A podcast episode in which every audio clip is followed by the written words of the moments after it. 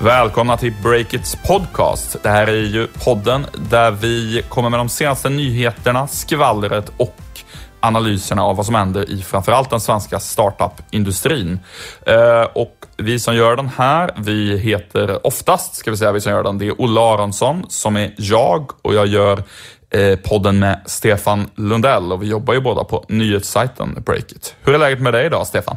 Jo, det är bra. Vi hade ju en väldigt trevlig födelsedagsmiddag för dig igår, Olle. Jag hoppas att du också uppskattar den lika mycket som jag.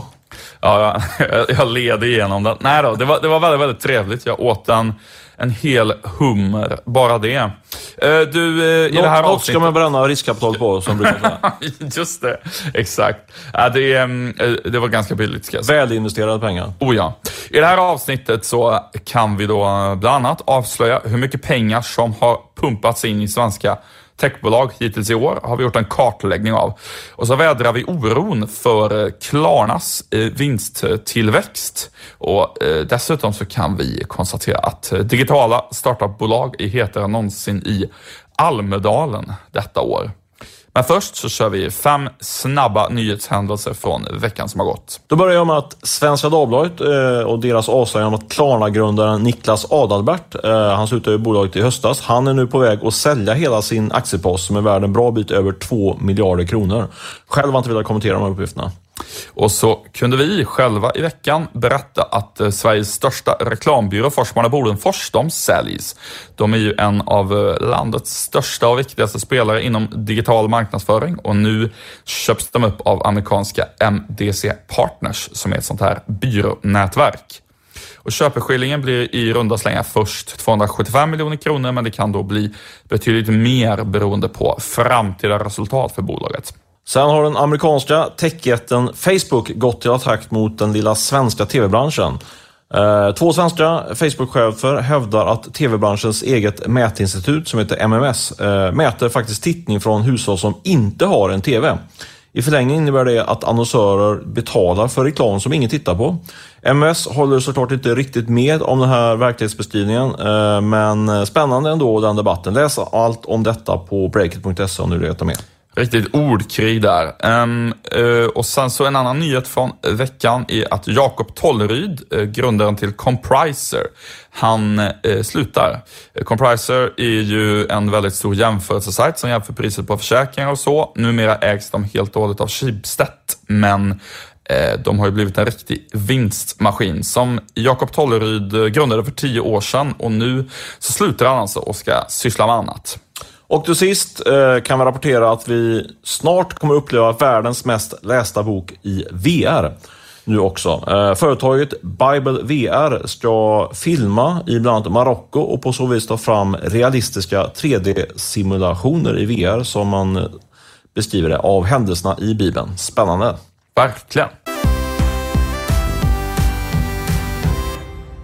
Denna vecka sponsras vi som så ofta av Miss Hosting.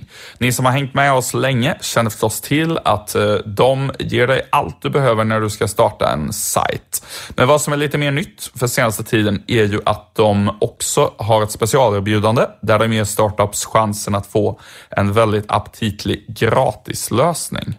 Precis så. Om du går in på eh, adressen misshosting.se sponsra och fyller i ett litet formulär så kan du faktiskt få ett gratis domännamn och webbhotell eller så kallad VPS-server om du vill ha det i ett helt år.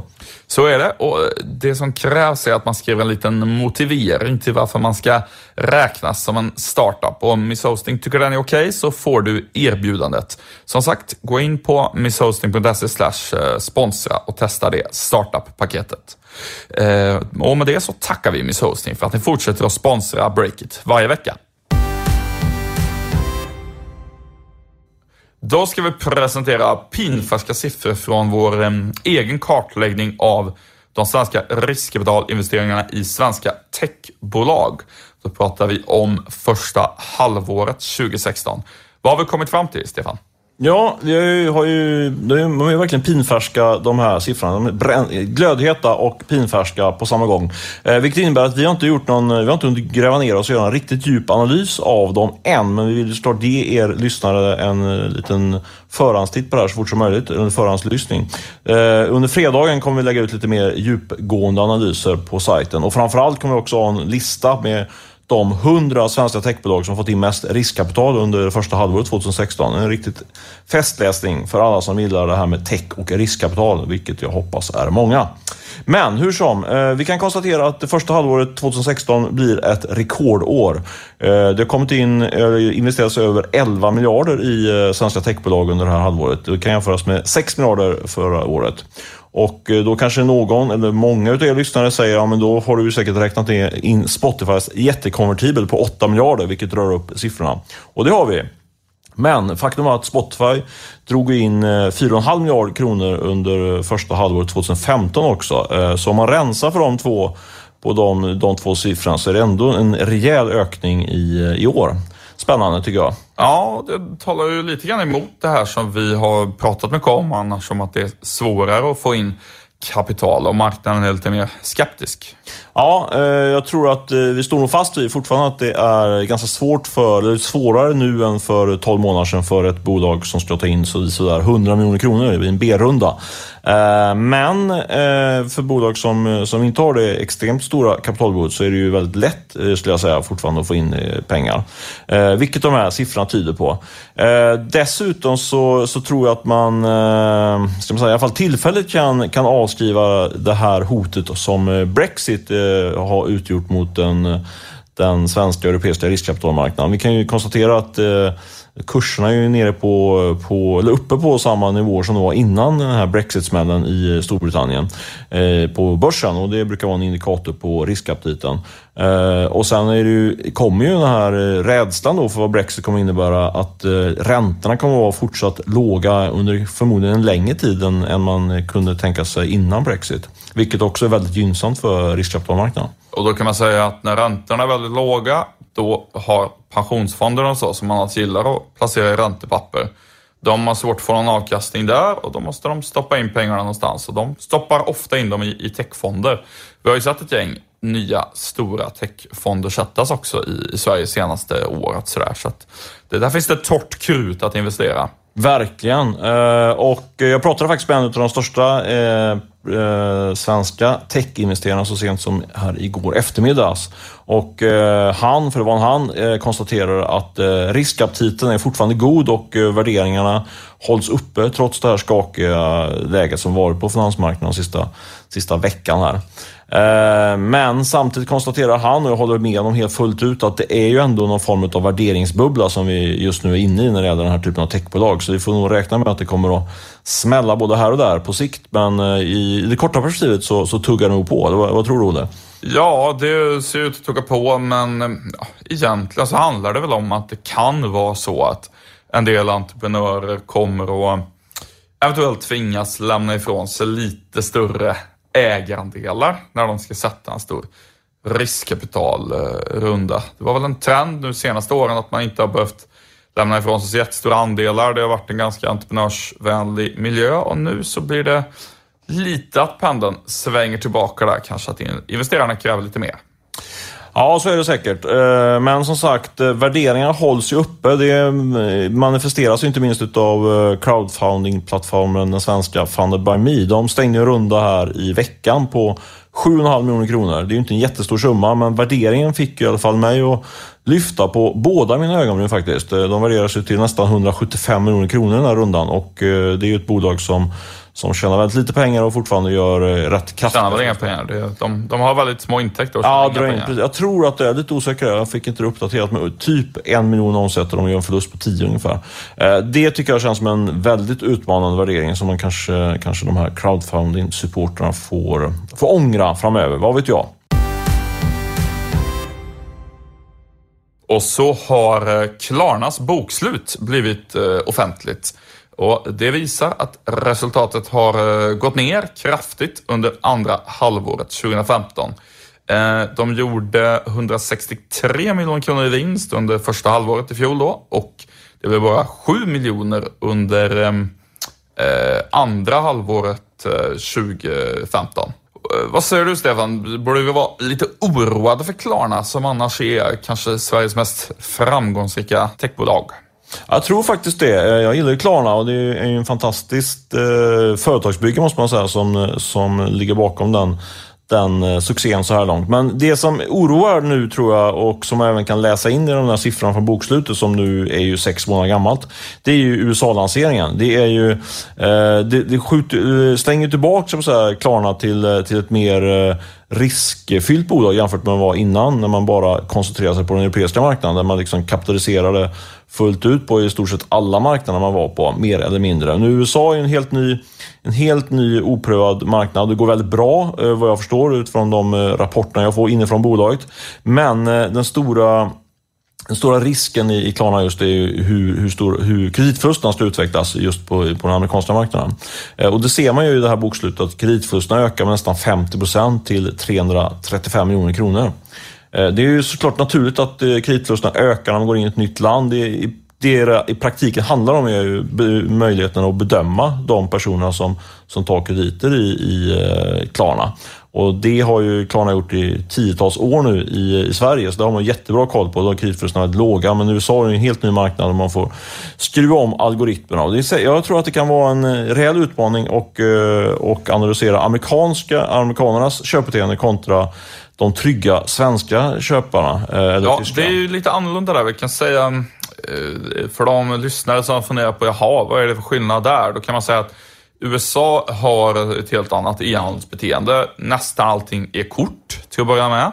Och man har ju också i mycket högre grad än Sverige ett så här kreditkortsbeteende, att man faktiskt utnyttjar krediten på sitt kort och handla handlar för på ett helt annat sätt. Och eh, I Sverige är det ju många som kör direktbankbetalning till exempel och ehm, Klarna-faktura har ju också varit populärt drivet fram, inte minst av Klarna. Men USA är väldigt mycket med kreditkort och det är, det är, klart att det blir lite annan dynamik i hur folk, eh, hur folk betalar helt enkelt. Och det är inte säkert att algoritmen hanterar det perfekt. Nej, jag tror att det, vi har, jag vet att det finns en viss oro bland eh, investerare som följer Klarna och även investerat i Klarna.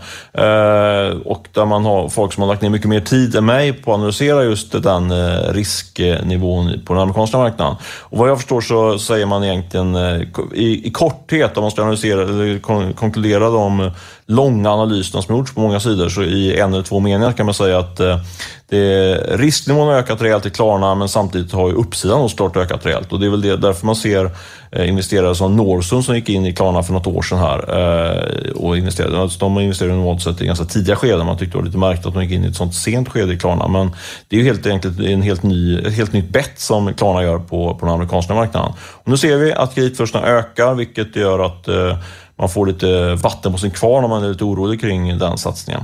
Sen ytterligare en sån varningssignal är väl att eh, då, som vi rapporterade här, att Niklas Adalbert, en av de tre grundarna nu, eh, vill casha in helt enkelt. Eh, det brukar ju aldrig vara någon jättebra köpsignal oavsett vilket bolag det handlar om.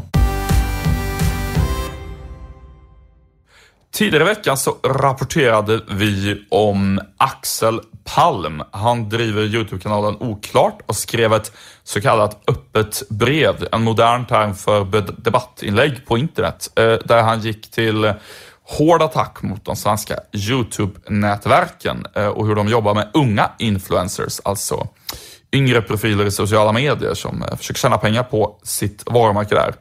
Och det här är en typ av utspel som vi inte riktigt har sett tidigare i Sverige, men det måste väl betecknas som att det är en klar affärsrisk för Youtube-nätverken. Ja, jag tror det. Eh, jag har ingen insyn i det här fallet med Axel Palm då, men om man tittar Eh, utanför Sveriges gränser så finns det exempel på när den här typen av aktioner, som man kanske kan kalla det, fått rätt dramatiska följder för, för affären helt enkelt, för de här Youtube-nätverken. Eh, I Tyskland finns det ett Youtube-nätverk eh, som heter Mediakraft eh, och eh, redan i början av 2015 så blev det en slags kampanj kan man säga mot Mediakraft från deras egna influencers som, eh, som på sina egna plattformar då, eh, alltså Youtube och andra sociala plattformar eh, gick då till attack mot, mot sin uppdragsgivare eller samarbetspartner då, som i det här fallet var Mediamarkt. Eller Mediakraft, inte Mediamarkt, Mediakraft heter han.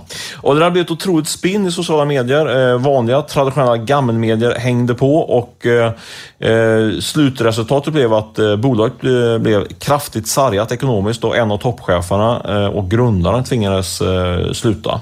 Det låter lite som Taylor Swift eh, versus Spotify. Hela den typen av debatter. Det är ganska jobbigt när väldigt, väldigt kända och populära personer med, som når ut till många går ut och, och kritiserar en öppet. Ja men verkligen. jag tror att det är en eh, rejäl utmaning för, för de stora svenska nätverken att hantera aktioner från Axel Palm och, och liknande då, eh, aktörer. Oavsett vem som har rätt i, i sakfrågan så att säga, så har de, de är ju sjukt starka liksom. De har ju en eh, riktigt stark maktposition med, med tanke på att de har tiotusentals, ibland hundratusentals eh, följare i sociala medier som, som de kan elda på så att säga mot, eh, mot den stora eh, onda eh, bolaget då. Det blir lätt den dramaturgin, den lille David mot Goliat-analogin eh, där på något sätt. Eh, och eh, det finns en uppenbar risk att, att de här influenserna, tror jag, utnyttjar den positionen. Att helt enkelt hota. Man skulle faktiskt kunna säga utpressa sig till bättre avtal. För det, det är ju det det i grunden handlar om. Vilka avtal man har med, med sina YouTubers eller influencers. Det kallas även för förhandling.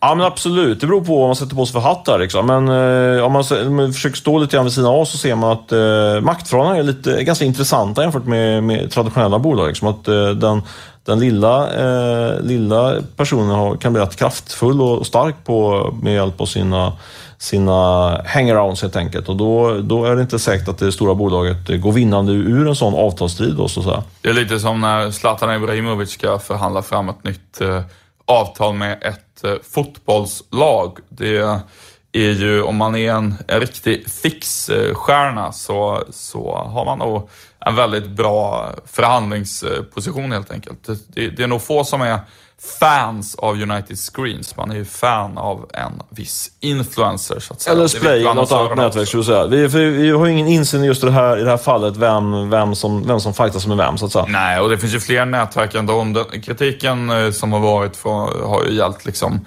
nätverken generellt och just yngre influencers som kanske inte har jättemycket koll på hur man eh, förhandlar ett avtal. Men intressant ändå tycker jag. Det visar lite grann på, på eh, en svaghet i de här nätverkens affärsmodell. Det verkar ju i praktiken vara rätt svårt att knyta upp de här stjärnorna med, med den typen av avtal som man har. Och trenden är ju att de här avtalen blir kortare och kortare. Vad jag har hört så är de ju kanske neråt tre månader på, med, med en hel del. Även om de försöker knyta upp dem längre så är det väldigt kort. Och på, det, på, de, på de korta premisserna är det svårt att bygga någon långsiktig affär. Så jag tror att i slutändan kommer det handla om att eh, det kommer koka ner till att eh, kraven ökar på nätverken att verkligen skapa verkliga värden för de här stjärnorna om de ska kunna överleva. Nu är det dags, eh, snart dags, ska vi säga, för Almedalsveckan och vi på Breakit gör ju en eh, ordentlig satsning där i år. Det får man säga. Vi invaderar Almedalen som det stod i en rubrik på en branschsajt här. Eh, och i princip så drar ju hela redaktionen, hela Breakit-redaktionen över till Visby här i de närmaste timmarna eller dagarna. Och ja, man kanske ska fråga sig, varför gör vi en sån här stor satsning?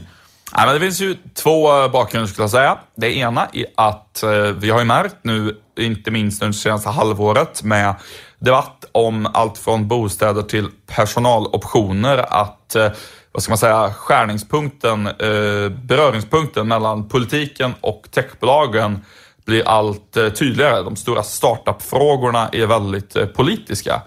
Och um, vi tror att det där bara kommer fortsätta och därför så tycker vi det är relevant att vara i Almedalen och följa den diskussionen som är där mellan techbolag och, um, och makthavare.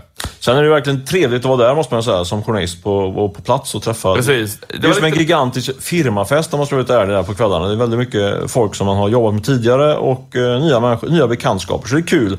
Men, men man måste... Jag, verkligen, jag ska bara säga det, ja. jag sa att det fanns två anledningar till att vi var där och den ena ja, är det första jag sa. Och den andra är lite det som du var inne på, att vi tycker att det är kul att vara där och vi tycker att det är bra för breaket att vara där. Och vi är faktiskt en så pass mobil redaktion. Vi är ju 100% digitala, så att vi kan vara där och jobba med lite allt möjligt och vara på som ett litet provisoriskt kontor i Almedalen. Det, det funkar ju det med. Det är därför det är liksom att man flyttar nästan hela sin redaktion dit. Det behöver ju liksom inte innebära att man man bara bevakar Almedalen. Nej, men det kommer bli mycket Almedalen för det är ju faktiskt så att eh, digitaliseringen och dess följder står väldigt högt upp på, på agendan i Almedalen. Eh, redan i fjol så noterade man ju att det var betydligt mer snack om detta på, både från scen och, eh, och ute i vimlet där jämfört med året innan.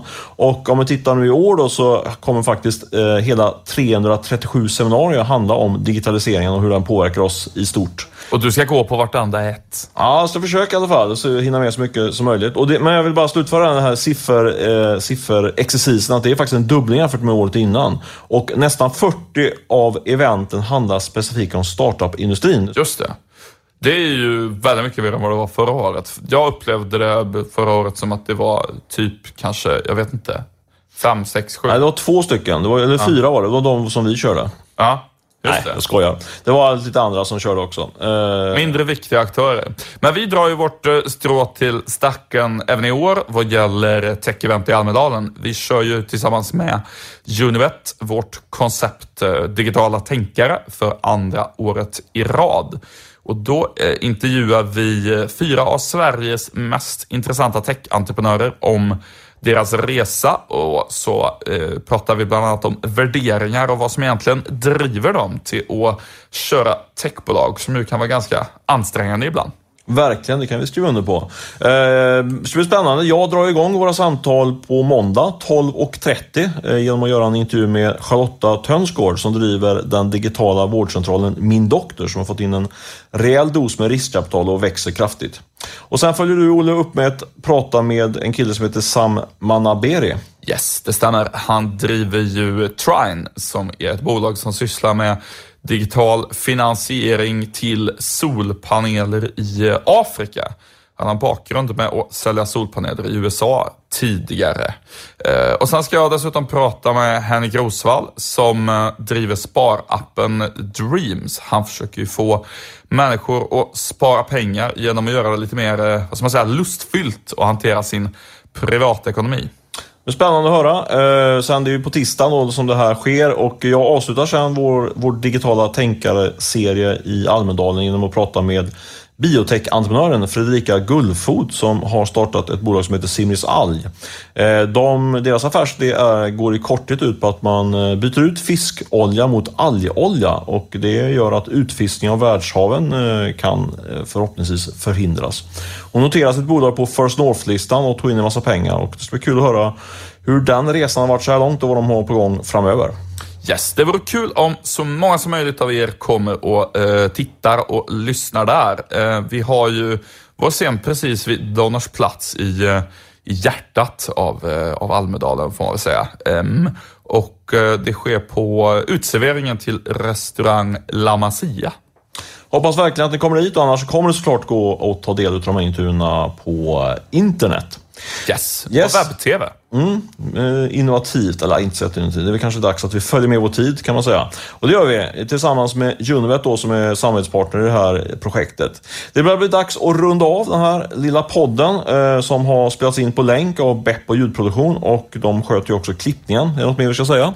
Nej, vi kan bara säga, eh, fortsätt följa oss under hela sommaren. Vi har ordentlig bemanning på plats. Break it never sleeps. Ni kommer att kunna se färska nyheter, eh, flera stycken varje dag, hela vägen genom semestern och så. Så det är bara att liksom göra er redo när ni ligger i en solstol eller vad det nu är för att gå in på mobilen och kolla vad som händer på Breakit så kommer ni inte bli besvikna.